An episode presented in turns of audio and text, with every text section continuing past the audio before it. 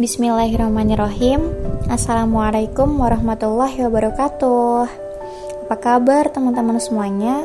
Semoga dalam keadaan sehat dan dalam lindungan Allah Subhanahu wa taala. Amin amin ya alamin. Alhamdulillah hari ini kita masih beri nikmat oleh Allah ya untuk sharing bareng di podcast dakwah Islam ID. Semoga sharing podcast ini bisa bermanfaat untuk teman-teman semuanya.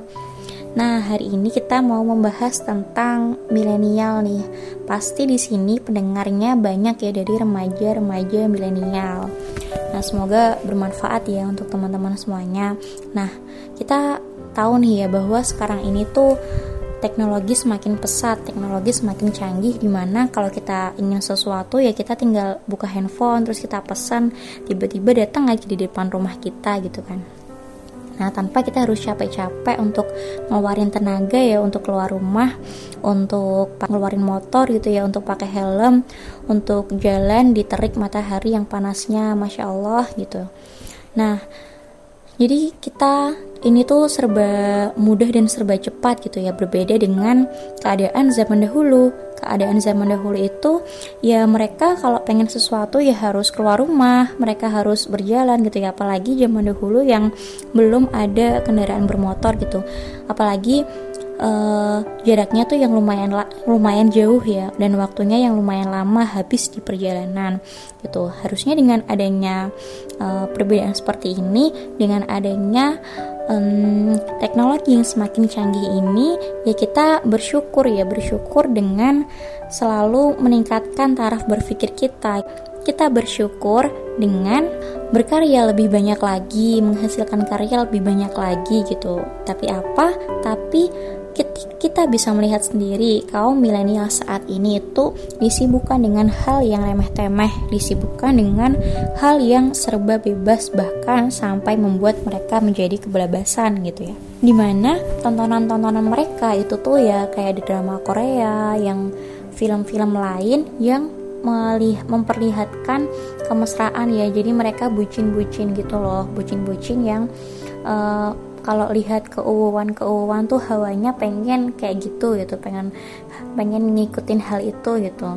Nah terus ada lagi gue joget-jogetan yang lagi viral gitu. Mereka kaum milenial saat ini tuh uh, pasti kalau ada yang viral satu video satu jogetan ya semuanya semuanya tuh pasti ngikutin jogetan tersebut gitu. Tanpa mereka me memperhatikan baik buruknya ya tanpa mereka melihat baik buruknya ya mereka hanya berstandar kepada mengikuti hawa, hawa nafsu mereka sendiri. Nah, terus dalam tren fashion nih, dalam tren fashion ini mereka pun juga uh, mengikuti zaman gitu ya, mengikuti yang sedang trending saat ini tuh apa. Padahal semakin hari yang sedang trending ini tuh ya pakaiannya tuh semakin mini, memperlihatkan bagian tubuhnya, memperlihatkan lengkuk tubuhnya gitu. Uh, jadi kita kita bisa menyimpulkan ya bahwa kaum milenial saat ini tuh gagap salah fokus mereka malah fokus kepada hal yang remeh-temeh terhadap kesenangan duniawi aja gitu dan mereka sehingga membuat mereka itu kehilangan agama mereka, kehilangan identitas mereka sebagai seorang muslim. Karena kita tahu kebanyakan orang yang mengikuti tren seperti ini adalah orang-orang muslim. Mereka menjadikan kehidupan mereka terkontrol oleh adanya tren media. Padahal generasi muda adalah generasi penerus yang akan membangun peradaban yang gemilang gitu. Nah, bis gimana caranya bisa menjadi peradaban yang gemilang kalau generasi milenialnya itu seperti ini? Kalau generasi milenialnya itu tuh malah tergerus oleh modernisasi gitu. Malah mereka yang tersetir oleh perkembangan zaman bukannya mereka yang menyetir perkembangan zaman gitu ya. Coba deh kita bandingkan dengan generasi muda zaman dahulu. Generasi muda zaman dahulu tuh ada Muhammad Al-Fatih nih. Usia 17 tahun sudah menjadi sultan. Usia belum genap 21 tahun menaklukkan negara adidaya yaitu Konstantinopel.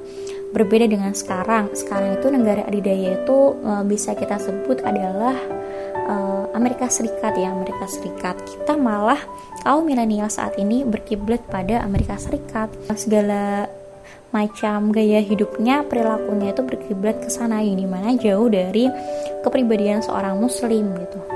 Yang kedua ada Usamah bin Zaid. Usamah bin Zaid ini usia 17 tahun menjadi panglima perang. Nah, ini tuh usia termuda gitu ya e, di mana kalau kita bandingin sama milenial sekarang ini usia 17 tahun asik dengan pacaran asik dengan joget-joget berikhtilat antara laki-laki dan perempuan tanpa adanya batasan gitu. Ada masih ada banyak lagi seperti Maryam al Astrolabi masih ada lagi Fatimah Al-Fihri, Lukna dan masih banyak lagi generasi muda yang menorehkan sejak tinta emas sejarah peradaban Islam gitu.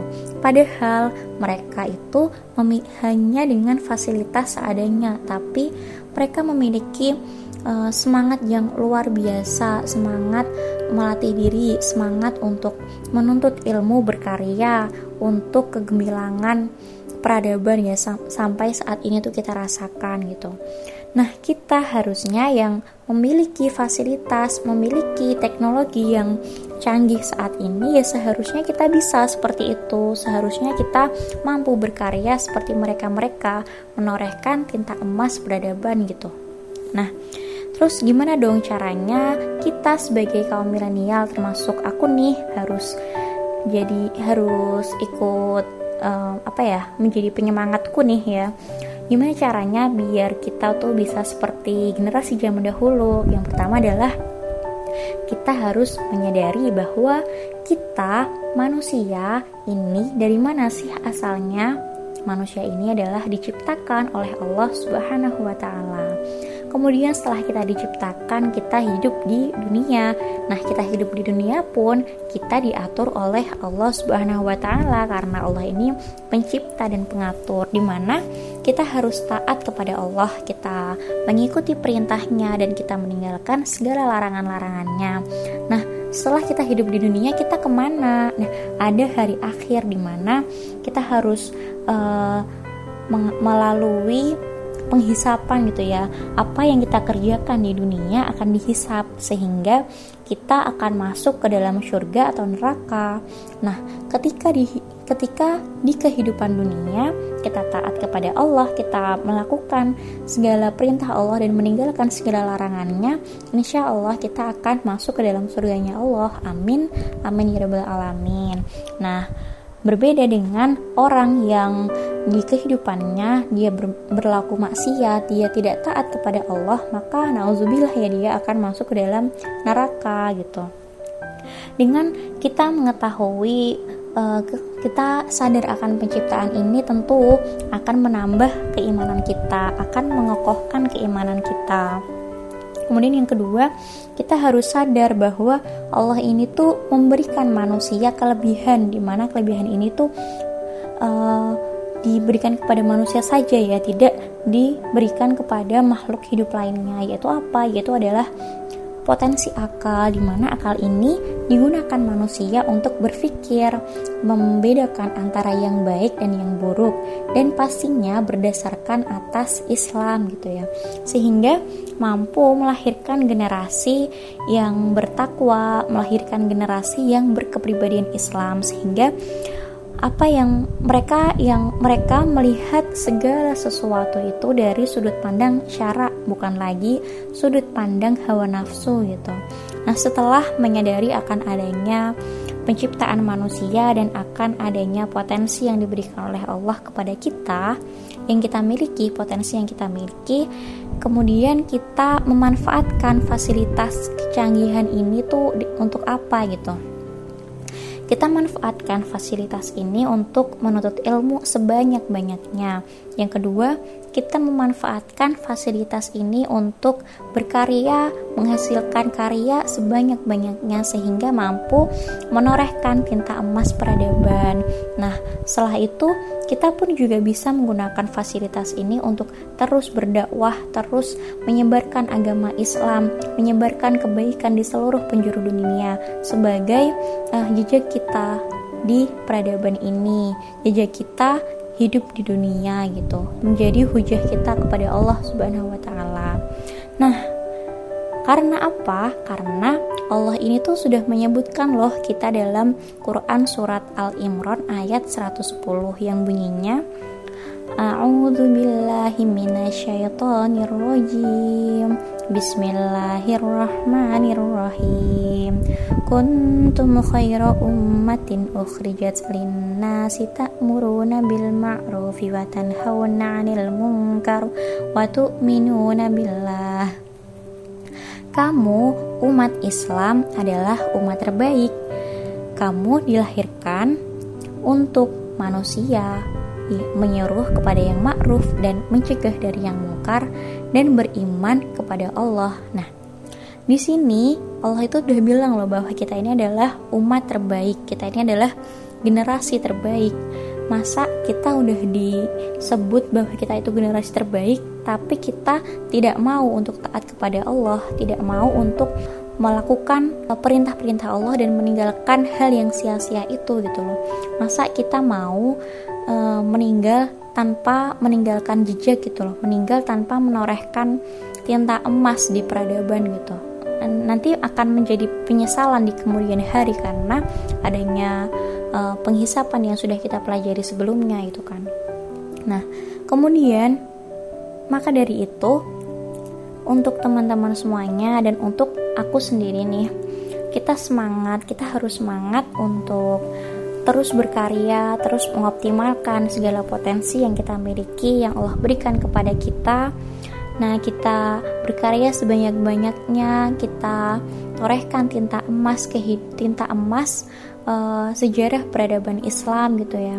Terus kita sebarkan dakwah Islam di seluruh penjuru dunia dan jangan lupa untuk kita selalu mendekatkan diri kepada Allah berinteraksi lebih lebih banyak lagi dengan Al-Quran gitu ya. Karena tanpa Allah ya kita nggak ada apa-apanya. Karena tanpa Allah nggak ada yang bisa kita banggakan yang nggak ada yang bisa kita sombongkan gitu ya.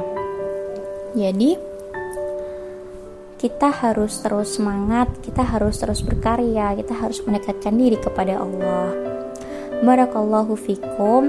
Semoga aku, kamu dan kita semua menjadi bagian generasi penerus yang akan membangun peradaban Islam yang gemilang ini. Assalamualaikum warahmatullahi wabarakatuh.